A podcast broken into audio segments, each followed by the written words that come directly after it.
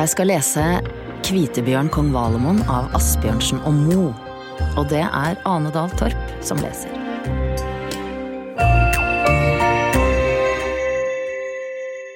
Så var det en gang som vel kunne være en konge. Han hadde to døtre som var stygge og slemme, men den tredje var så ren og god som klare dagen, og kongen og alle var glad i henne. Hun drømte en gang om en gullkrans som var så deilig at hun ikke kunne leve om hun ikke fikk den.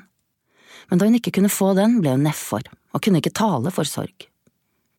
Da kongen fikk vite at det var kransen hun sørget for, sendte han ut en som var klipt ut omtrent som den kongsdattera hadde drømt om, og sendte bud til gullsmedene i alle land om de kunne skaffe maken til den. De arbeidet både dag og natt, men noen av kransene slengte hun, og andre ville hun ikke så mye som se på. Men så var det en gang hun var i skogen, og da fikk hun se en kvitbjørn, som hadde den kransen hun hadde drømt om, mellom labbene, og lekte med den. Så ville hun kjøpe den. Nei, den var ikke til salgs for penger, men bare når han fikk henne selv. Ja, det var aldri verdt å leve uten den, sa hun. Det var det samme hvor hun kom og hvem hun fikk når hun bare fikk den kransen. Og så ble de forlikt om at han skulle hente henne om tre dager, og det var torsdagen. Da hun kom hjem med kransen, ble alle glade fordi hun var glad igjen, og kongen mente at det saktens ikke kunne være så farlig å stage en kvitbjørn.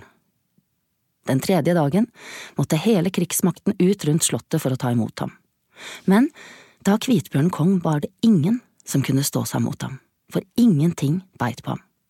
Han slo dem ned til høyre og venstre så de lå i haugevis. Dette syntes kongen var for ille, så han sendte den eldste dattera, og henne tok Kvitbjørn på ryggen og for av sted med. Da de hadde reist langt og lenger enn langt, spurte Kvitbjørnen, Har du sittet mjukere? Har du sett klarere? Ja, på min mors fang satt jeg mjukere, i min fars gård så jeg klarere, sa hun. Ja, så er du ikke den rette, sa Kvitbjørnen og jagde henne hjem igjen. Den neste torsdagen kom han igjen, og da gikk det likeens. Krigsmakten var ute og skulle ta imot Kvitbjørnen, men verken jern eller stål beit på ham, og så slo han dem ned som gras, så kongen måtte be ham holde opp. Så sendte han ut den nest eldste dattera, og henne tok Kvitbjørnen på ryggen og for av gårde med. Da de hadde reist langt og lenger enn langt, spurte Kvitbjørnen, Har du sett klarere? Har du sittet mjukere? Ja, sa hun, i min fars gård så jeg klarere, og på min mors fang satt jeg mjukere. Ja, så er du ikke den rette, sa Kvitbjørnen og jagde henne hjem igjen.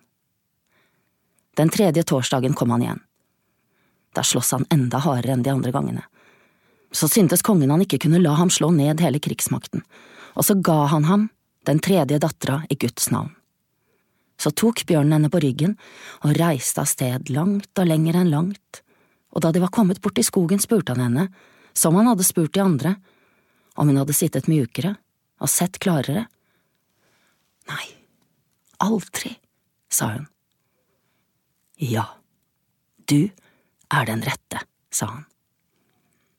Så kom de til et slott som var så gildt at det slottet far hennes hadde var som den usleste husmannsplass i sammenligning.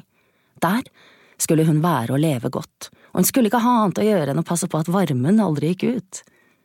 Bjørnen var borte om dagen, men om natta var han hos henne, og da var han menneske. Det gikk alt både godt og vel i tre år, men hvert år fikk hun et barn, og det tok han og for bort med straks det var kommet til verden. Så ble hun mer og mer lei seg og ba om hun ikke kunne få lov til å komme hjem og se til foreldrene sine. Ja, det var ikke noe i veien for det, men først måtte hun love at hun skulle gjøre det faren sa, men ikke det mora ville hun skulle gjøre.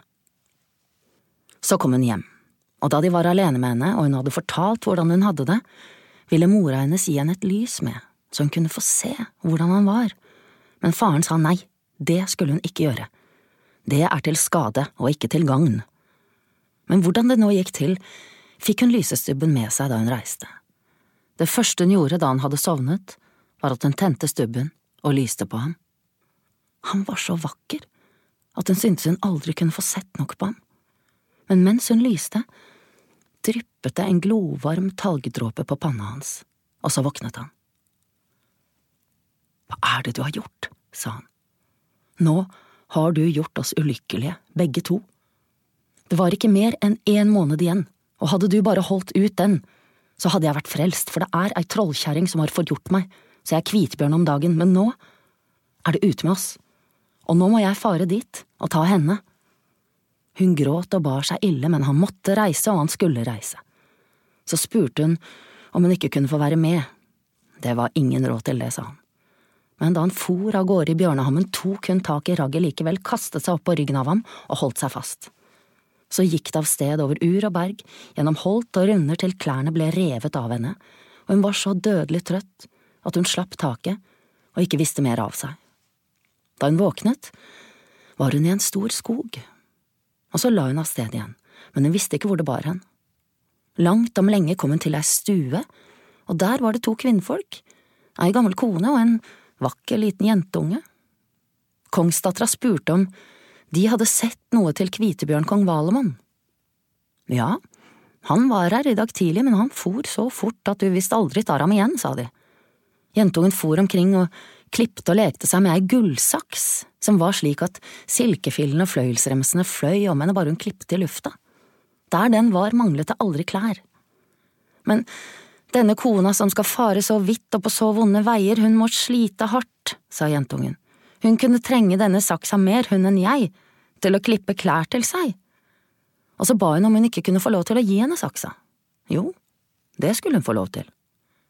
Så reiste kongsdattera av gårde gjennom skogen som det aldri ville bli noen ende på, både dagen og natta, og neste morgen kom hun til ei stue igjen. Der var det også to kvinnfolk, ei gammel kone og en jentunge. God dag, sa kongsdattera. Har dere sett noe til Kvitebjørn kong Valemon? Tja, var det du som skulle hatt ham, kanskje, sa kjerringa. Det var da det. Jo, han var her i går, men han for så fort at du aldri tar ham igjen, Jentungen gikk på gulvet og lekte med ei flaske som var slik at den skjenkte alt de ville ha, og der den var, manglet det aldri drikke.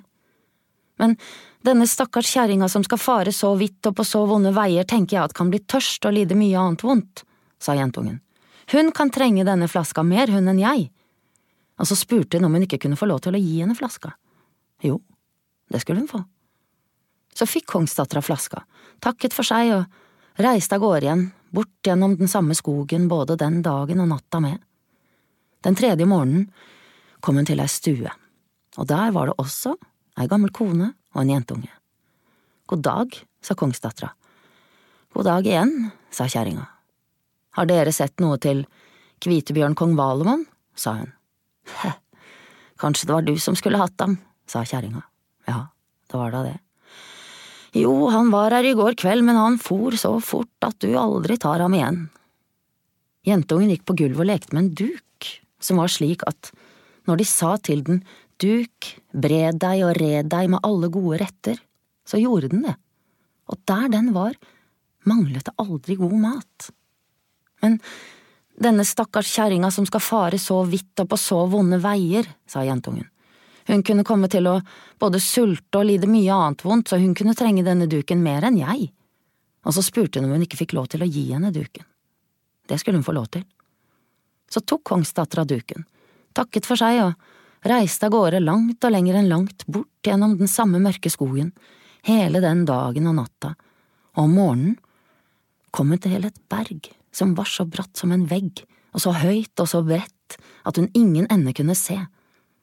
Det var ei stue der også, og da hun kom inn, var det første hun sa, God dag, har du sett om Kvitebjørn kong Valemon har fart denne veien? God dag igjen, sa kjerringa, det var kanskje du som skulle hatt ham? Ja, det var da det. Ja, han for opp etter berget her for tre dager siden, men der kan ikke noe som ikke kan fly, slippe opp. I denne stua var det fullt av småbarn og alle sammen hang de i stakken på mor si og skrek på mat. Kjerringa satte på varmen ei gryte full av små, runde stein. Kongsdattera spurte hva det skulle være godt for. Nei, de var så fattige, sa kjerringa, at de verken hadde mat eller klær, og det var så vondt å høre på barna skrike etter matbeten. men når hun satte gryta på varmen og sa nå er potetene snart kokt, var det som om det døyvet sulten og de ga tål en stund. Det varte ikke lenge før kongsdattera fikk fram duken og flaska, det kan en nok vite, og da barna var mette og glade, klipte hun klær til dem med gullsaksa. Ja, sa kjerringa i stua, siden du har vært så hjertelig snill mot meg og barna mine, så var det en skam om ikke jeg gjorde det vi kan for å hjelpe deg opp etter berget. Mannen min er en riktig mestersmed. Nå får du slå deg til ro til han kommer, og så skal jeg få ham til å smi klør til deg, til hender og føtter, så får du prøve å kravle deg opp. Da smeden kom, tok han til med klørne med en gang, og den andre morgenen var de ferdige. Hun hadde ikke tid til å bli, men takket for seg og hogg seg fast og krøp og kravlet med stålklørne hele dagen og natta. Og da hun var så trøtt, så trøtt at hun syntes hun ikke kunne løfte ei hånd mer, vel ville sige ned igjen, da var hun oppe. Der var det en slette med åkrer og enger så store og vide at hun aldri hadde tenkt seg noe så hvitt og så jevnt, og like ved var det et slott fullt av arbeidsfolk av alle slag som strevde som maur i ei tue. Hva er her på ferde? spurte kongsdattera. Jo, her bodde hun, den trollkjerringa som hadde forhekset Kvitebjørn kong Valemon, om tre dager skulle hun ha bryllup med ham. Hun spurte om hun ikke kunne få tale med henne. Nei, det skulle tatt seg ut, det var da rent umulig.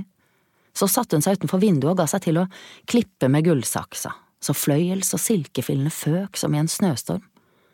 Da trollkjerringa fikk se det, ville hun kjøpe saksa for alt det skredderne strever, så monner det ikke, sa hun. Det er for mange som skal kles opp. For penger var den ikke til salgs, sa kongsdattera, men eh, kjerringa skulle få den om hun fikk lov til å sove med kjæresten hennes i natt. Ja, det kunne hun godt få, sa trollkjerringa, men hun ville selv få ham i søvn og selv vekke ham. Da han hadde lagt seg, ga hun ham en sovedrikk så han ikke var god for å våkne uansett hvor mye kongsdattera ropte og gråt. Neste dagen gikk kongsdattera utenfor vinduene igjen og satte seg til å skjenke av flaska. Det fosset som en bekk med både øl og med vin, og aldri ble den tom. Da trollkjerringa fikk se det, ville hun kjøpe den. For alt det de strever med å brygge og brenne, så monner det ikke, det er for mange som skal ha drikke, sa hun. For penger var den ikke til salgs, sa kongsdattera, men Fikk hun lov til å sove med kjæresten hennes i natt, skulle hun få den. Ja, det kunne hun godt få, sa trollkjerringa, men hun ville selv få ham i søvn og selv vekke ham. Da han hadde lagt seg, ga hun ham en sovedrikk igjen, så det ble ikke likere den natta heller. Han var ikke god for å våkne, uansett hvor mye kongsdattera ropte og gråt. Men den natta var det en av håndverkerne som arbeidet i rommet ved siden av. Han hørte gråten der inne, og skjønte hvordan det hang i hop. Neste dag sa han til prinsen at hun måtte ha kommet, kongsdattera som skulle frelse ham. Den dagen gikk det like ens med duken som med saksa og flaska.